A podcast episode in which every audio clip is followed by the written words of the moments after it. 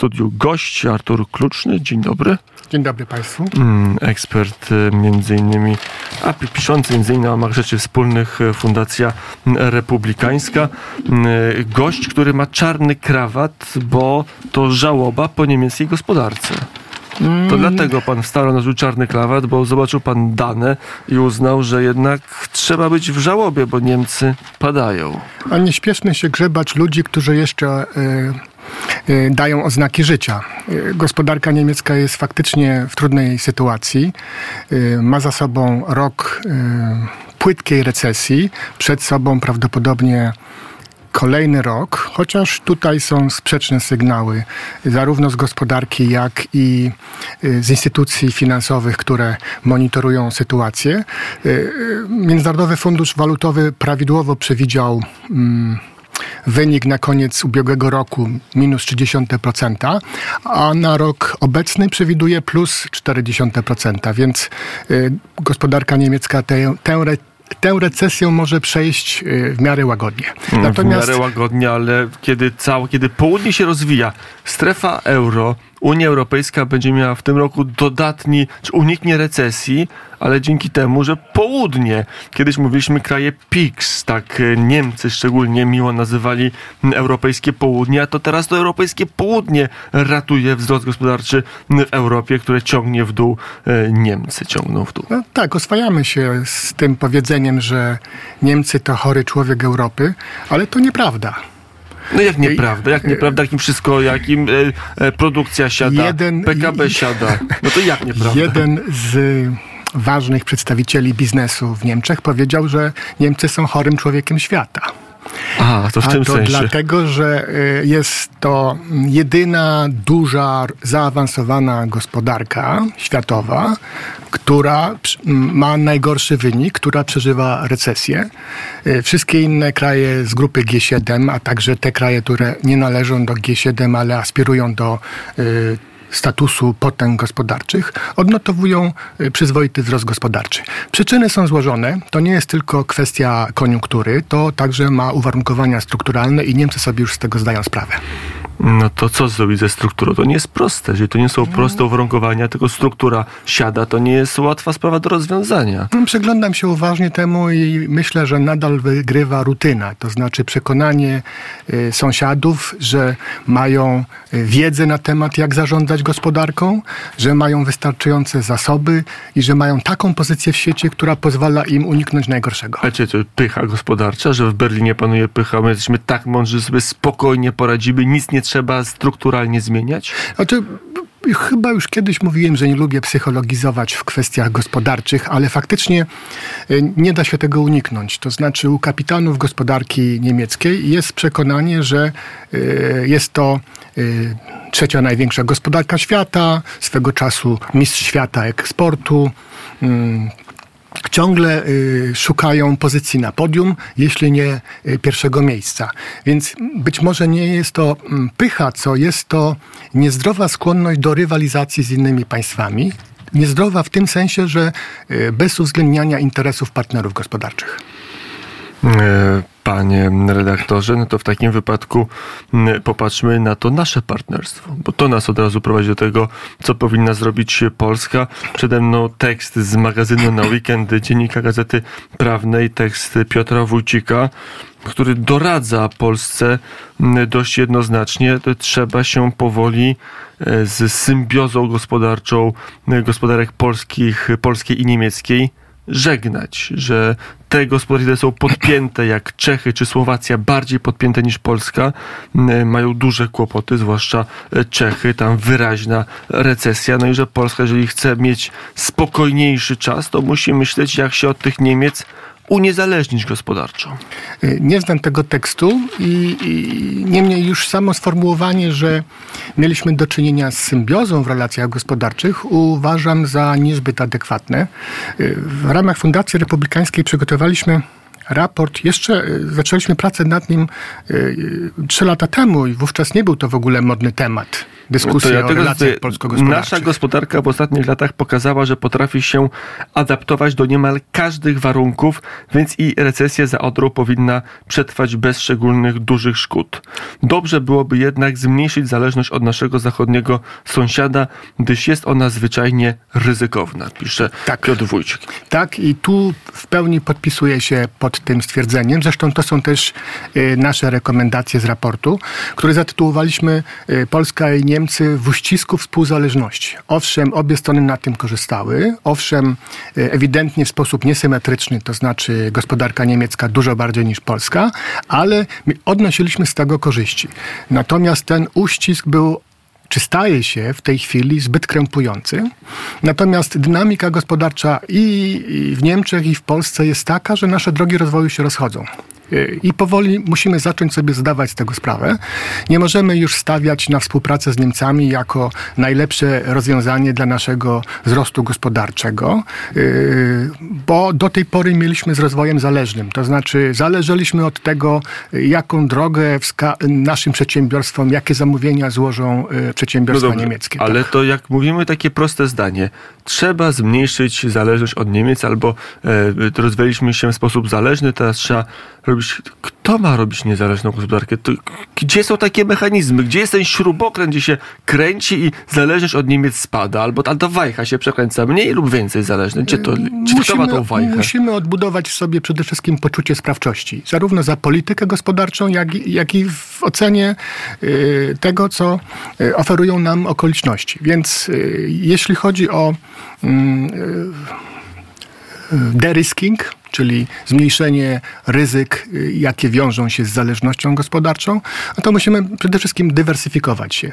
Y, I czynimy to, odkąd weszliśmy do Unii Europejskiej. Dostęp do jednolitego rynku pozwolił nam bardzo zdywersyfikować gospodarkę i nawet to, że nasz udział, czy też udział Niemiec w polskim eksporcie rośnie, bo już doszedł do poziomu 28%, nie oznacza, że ta zależność jest y, szczególnie groźna. Niemniej ona istnieje.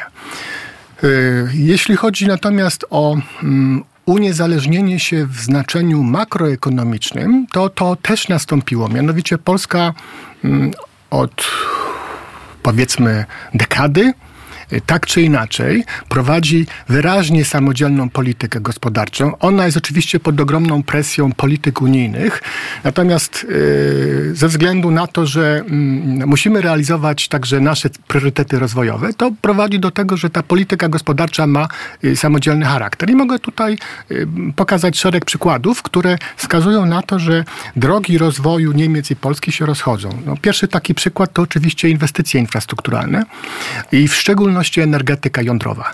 Tutaj jest, y, tu wyraźnie widać, jak przeciwstawne są interesy gospodarcze Polski i Niemiec. No to już da się połączyć. No co, co Berlinowi będzie szkolić poza polityką i ideologią, e, że nasze warsztaty, nasi poddostawcy do ich przemysłu będą czerpać energię z atomu? Dla nich tylko lepiej, atom dość tania energia, Jeśli będą, rozumiemy, będą mieli tanie e, podzespo, podzespoły, wszystko gra. Jeśli prawidłowo rozumiemy e, powiązania ekonomiczne i, i zależności między dostępem do taniej, stabilnej energii, a rozwojem gospodarczym, wtedy będziemy wiedzieć, że y, energetyka jądrowa w Polsce jest nie tylko skokiem cywilizacyjnym y, i technologicznym, ale także y, podstawą do rozwoju gospodarczego, do ekspansji polskich przedsiębiorstw, ponieważ zapewni tanią energię. Y, Niemcy zrezygnowały z energetyki jądrowej, wyłączyły ostatnie reaktory w kwietniu ubiegłego roku. Efekt jest taki, że stały się importerem energii, a, y, e, a energia elektryczna jest najdroższa w całej Unii Europejskiej. Y, dodatkowo mm, mm, to powoduje, że przemysły energochłonne w Niemczech y, zaczynają redukować swoje y, zdolności produkcyjne, y, zaczynają redukować także zatrudnienie. I dochodzi do zjawiska, które sąsiadów bardzo martwi, które nazywają deindustrializacją. Rzeczywiście przemysł przetwórczy traci moc to jest ten element gospodarczy, całego nie opiszemy, a, a jeszcze jest element polityczny, o który chciałem końcu, to jest odyseja wyborcza, więc o politykę musimy zahaczyć i zahaczymy. Naszym gościem mhm. Artur mm. Kluczny. Klimat polityczny był niezły. Nawet zarządów PiSu były spory, no ale wszyscy wiedzieli, że gospodarka, że gospodarki idą razem i że trudno jest to rozszyć. Teraz w Niemczech dochodzi do głosów AfD i, i być może klimat wobec Polski, nie tylko wobec polskiego rządu, który może się mniej lub bardziej Berlinowi podobać, ale w ogóle wobec Polski, Polaków może się zmienić nad Szprewą nadchodzi zmiana, która, która, zmiana polityczna, która będzie utrudniać relacje gospodarcze między Polską a Niemcami, że Niemcy staną się bardziej asertywne wobec naszych żądań? Mm, Jak nie widzę związku.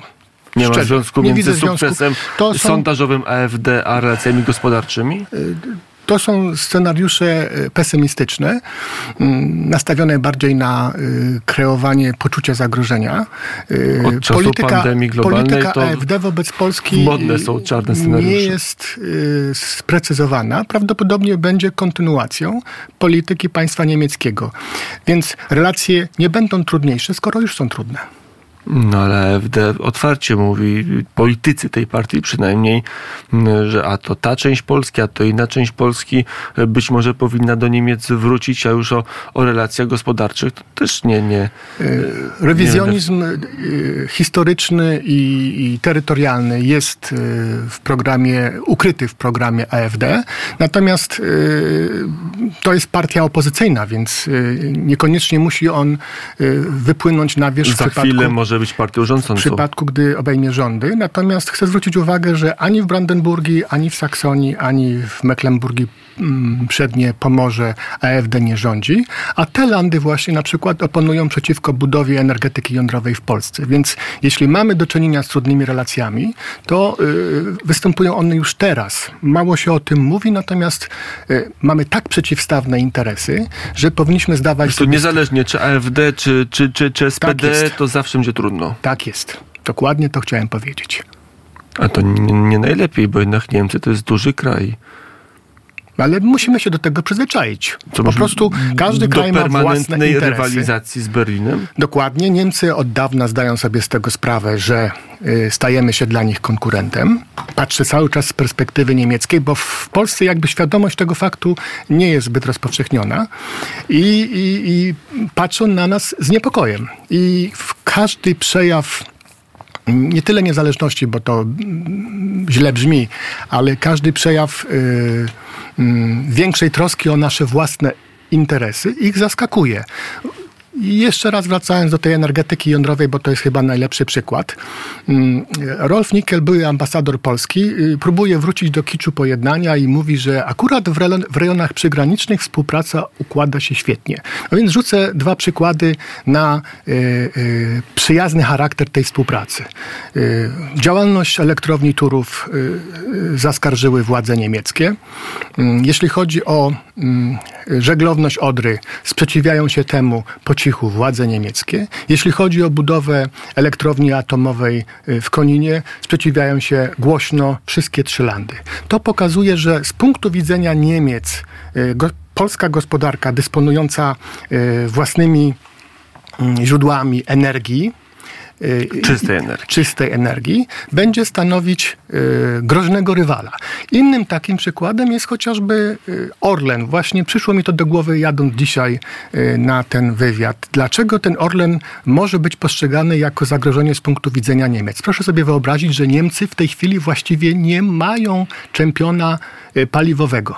Mają cztery wielkie koncerny energetyczne i mają spółkę Wintershall Dea, która poniosła olbrzymie straty inwestując w Rosji. Y, w związku z czym mm, Spółka matka y, zadecydowała o tym, by ten Wintershall Dea sprzedać yy, angielskiemu podmiotowi, o ile dobrze pamiętam, Harbor Energy. Wintershall, Wintershall Dea zajmuje się yy, wydobyciem gazu i ropy. Otóż Orlen ma dużo większe zdolności produkcyjne i wydobywcze niż ten Wintershaldea. Orlen już jest obecny na y, rynku niemieckim, ale akurat w sektorze dystrybucji, natomiast Niemcy są w Polsce nieobecni. To jest jeden z niewielu obszarów, gdzie Polska zdążyła y, zdobyć y, jakąś pozycję w stosunku do tego kraju. Nie tylko w samych Niemczech, ale też w Austrii. E, to jest tak, że ten region, Austria też istotny dla Niemiec kraj, Czechy, również Niemcy z pewnym sentymentem na, na Pragę patrzą. To proszę mi pozwolić. Otóż y, Polska jest bramą do Europy Środkowej. Taka jest prawda.